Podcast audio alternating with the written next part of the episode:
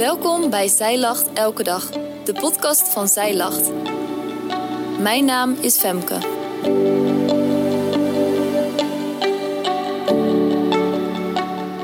Dit is de overdenking van 17 november, geschreven door schrijfster Linda Albers. Ik heb iets verschrikkelijks gedaan. Dit komt nooit meer goed. Hoe kan God houden van mij als ik zo slecht ben? Hij walgt vast van mij. Wat kun je doen als je God ontrouw bent? Hoe kom je weer in het licht?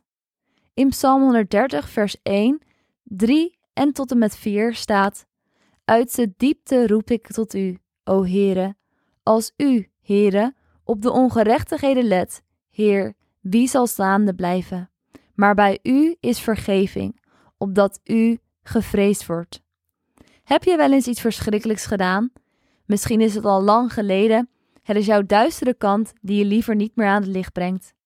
Er zijn zonden waar wij liever niet meer anderen over praten, omdat we ons ervoor schamen. Je wordt bijvoorbeeld snel boos, waardoor je anderen pijn doet als je niet meer kan beheersen, of je fantaseert over seks met een ander, of je liegt of roddelt om leuk gevonden te worden. Je houdt stiekem geld achter. Ik kan me nog even doorgaan en misschien kan je zelf ook wat bedenken. Tegelijkertijd kan je nog steeds in God geloven. Je weet van bekering en van vergeving, maar je voelt je schuldig over je keuzes. Keuzes waarmee je God ontrouw bent, want Hij wil dat je je geluk alleen bij Hem zoekt. Het volk van Israël, Gods bruid, heeft zich ook van God afgewend. Ze zoeken hun geluk bij andere goden. Ze zijn God ontrouw en zijn verdwaald in het donker. God waarschuwt het volk keer op keer door Hosea en ook door alle andere profeten. Keer je om naar God. Bekeer je. Draai je om van donker naar het licht. In Hosea 1 vers 2 staat: De Heere zei tegen Hosea: Ga, neem voor u een vrouw van de hoererij en kinderen van de hoererijen, want het land wendt zich in de schandelijke hoererij van de Heere af. Gomer, een prostituee, was Hosea's bruid. Hosea moest van God met haar trouwen om duidelijk te maken dat deze relatie een afspiegeling is van de relatie tussen God en zijn volk. Hosea bleef Gomer trouw, ondanks haar pijnlijke ontrouw. Ze bleef haar geluk bij andere mannen zoeken, net zoals Israël hun geluk zoekt bij de goden van de andere volken. God is woest om de ontrouw en wil zijn bruid verstoten. Gelukkig lezen we daarna in Hosea 14 vers 5 ik zal hun afkerigheid genezen. Ik zal hen vrijwillig liefhebben, want mijn toorn heeft zich van hen afgewend. God walgt inderdaad van onze ontrouw. Tegelijkertijd houdt Hij van ons en wil Hij ons dicht bij zich hebben. Daarom waarschuwt Hij zijn volk keer op keer.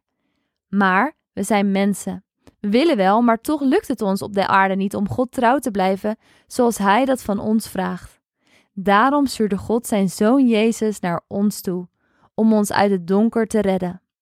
In Colossense 1 vers 13 tot 14 staat: Hij heeft ons getrokken uit de macht van de duisternis en ons overgezet in het koninkrijk van de zoon van zijn liefde.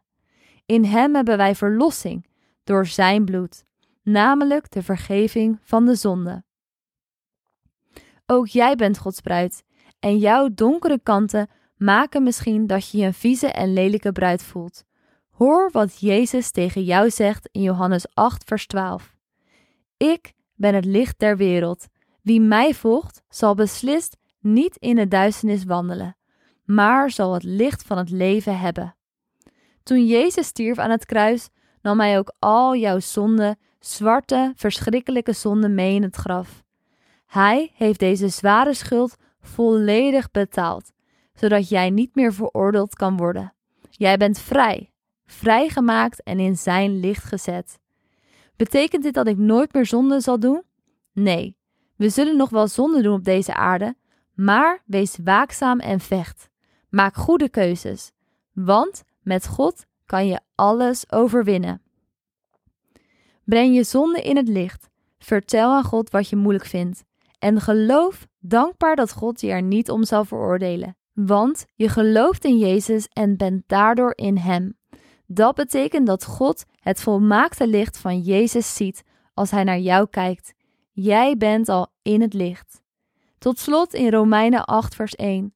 Zo is er dan nu geen veroordeling voor hen die in Christus Jezus zijn. Voordat je gaat, Advent start dit jaar op 3 december. Doe jij mee met ons leesplan Samen met Maria? In dit leesplan behandelen we in drie weken het loflied van Maria met prachtige adventskaarten om mooi in huis neer te zetten. Bestel via onze webshop voor 9,95 of doe gratis mee via de blog of podcast. Dankjewel dat jij hebt geluisterd naar de overdenking van vandaag. Wil je de overdenking nalezen? Check dan onze website. Je vindt er ook meer toffe dingen die jou helpen om de Bijbel vaker te openen, zoals boeken, Bijbels, cursussen en evenementen. Morgen ben ik weer bij je terug met een nieuwe overdenking. Tot dan!